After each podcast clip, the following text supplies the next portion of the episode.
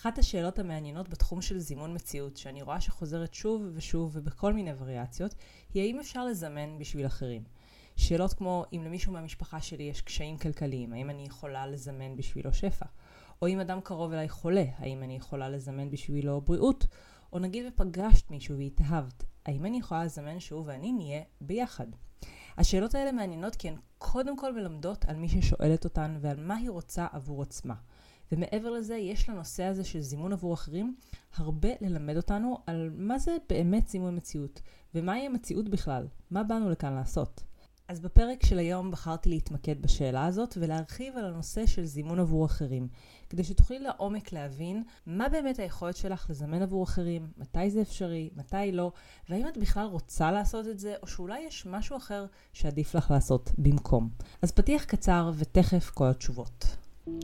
היי, אתן מאזינות לפודקאסט קפיצה קוונטית, ואני נועה גורן, המנחה של הפודקאסט הזה. אני חוקרת את חוק המשיכה ועולם זימון המציאות משנת 2003, ומלווה נשים ליצירת חיים של שפע, הצלחה, אהבה והגשמת חלומות בעזרת כלים אנרגטיים ותודעתיים.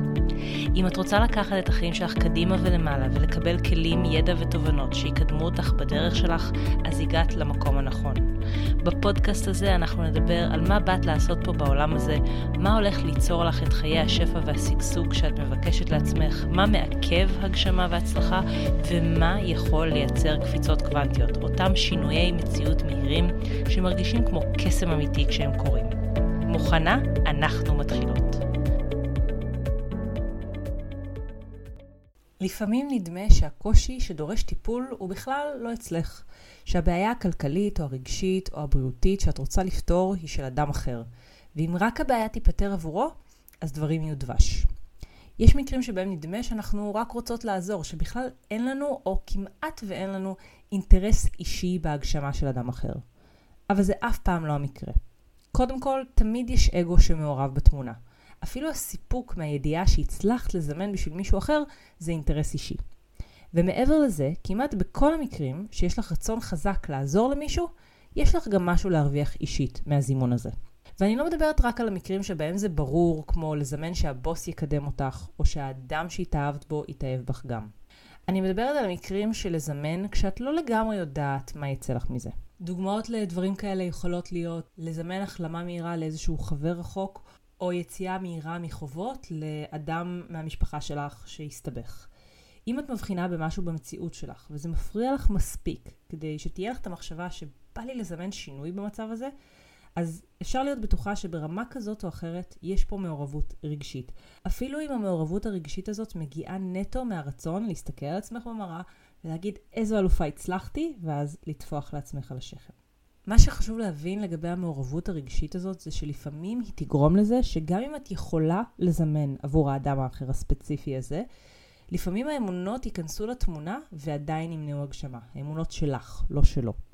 אני לא סתם מתעכבת על זה, על איפה את במשוואה של זימון עבור אחרים, כי חשוב להבין ובאמת לזהות את הדרייב, את המוטיבציה, את הלמה, ובהמשך אני ארחיב על העובדה שיש עוד דרכים לתת מענה לצורך הזה שלך, לצורך שבעצם מביא את השאלה איך אני מזמנת עבור אחרים.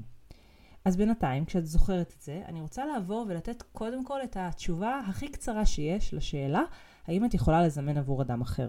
והתשובה הקצרה הזאת היא באמת קצרה, שתי מילים סך הכל, ושתי המילים האלה הן תלוי, לפעמים. לפעמים את יכולה לזמן ולפעמים לא. ומכאן אנחנו יכולות לעבור לתשובה ארוכה שמורכבת מכמה חלקים. הכלל אומר שאנחנו לא יכולות, אי אפשר לזמן במסגרת המציאות של אדם אחר, בלי הסכמתו, מודעת ו/או בלתי מודעת. ואנחנו תכף נפרק את הכלל הזה ואת תביני אותו לעומק. אבל רגע לפני, אני קודם כל רוצה לדבר על הלמה, על ההיגיון. למה בכלל אנחנו צריכות הסכמה? ולמה לפעמים זו יכולה להיות הסכמה בלתי מודעת בלבד. אז הבסיס אומר שבחוזה שלנו, כשהגענו לפה לסיבוב הזה בכדור הארץ, כל אחד ואחת באו עם מוכנות ועם כוונה ללמוד שיעורים מסוימים.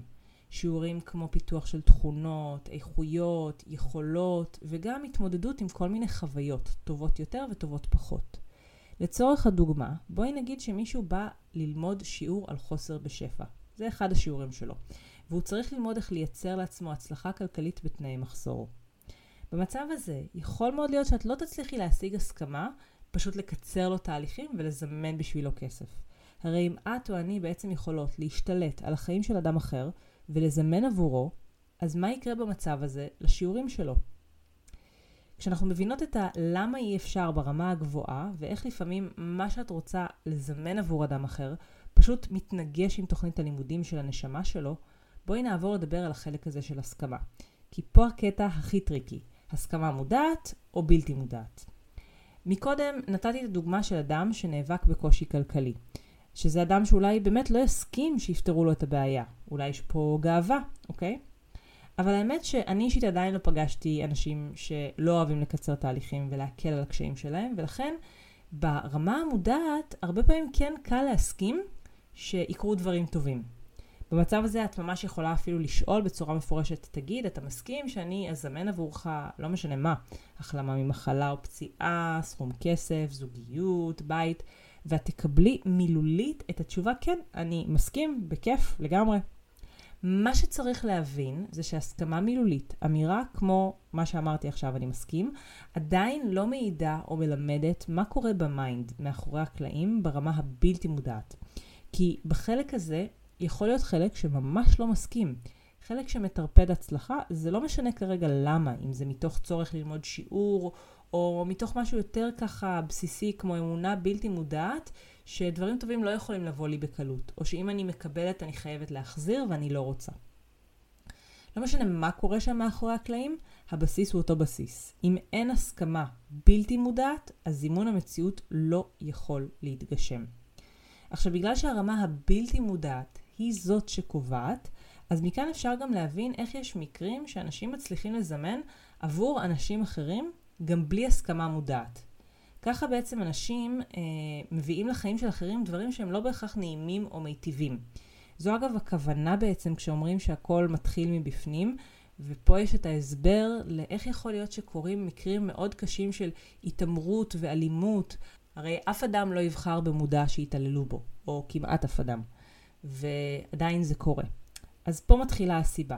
בתת המודע אנחנו מסכימות לכל מיני דברים, גם כאלה שלא עושים לנו טוב בשום צורה ודרך, כי באנו ללמוד מזה משהו. אז אם את רוצה לזמן עבור אדם אחר, הבסיס שממנו את תמיד תרצי להתחיל, זה קודם כל לבקש הסכמה מילולית.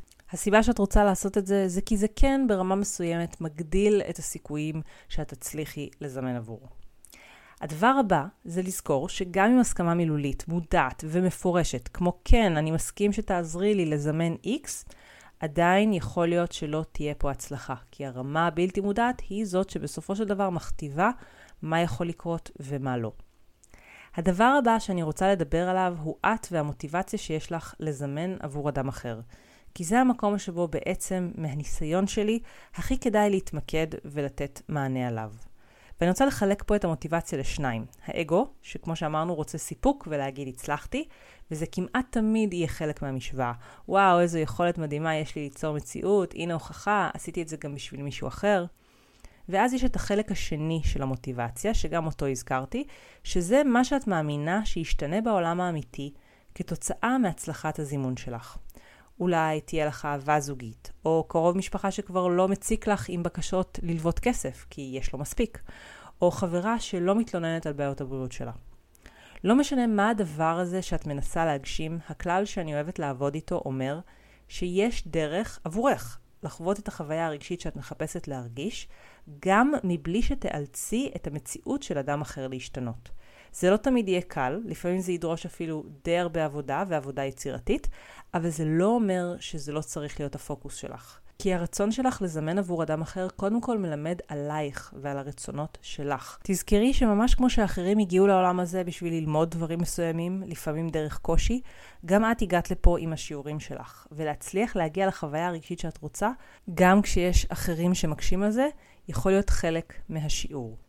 לכן כמעט תמיד כששואלים אותי על זימון עבור אחרים, אני ממליצה לחזור פנימה ולזהות מה את רוצה להרגיש ולזמן בחוויה האישית שלך. ואז להעביר את הפוקוס ולהתמקד שם.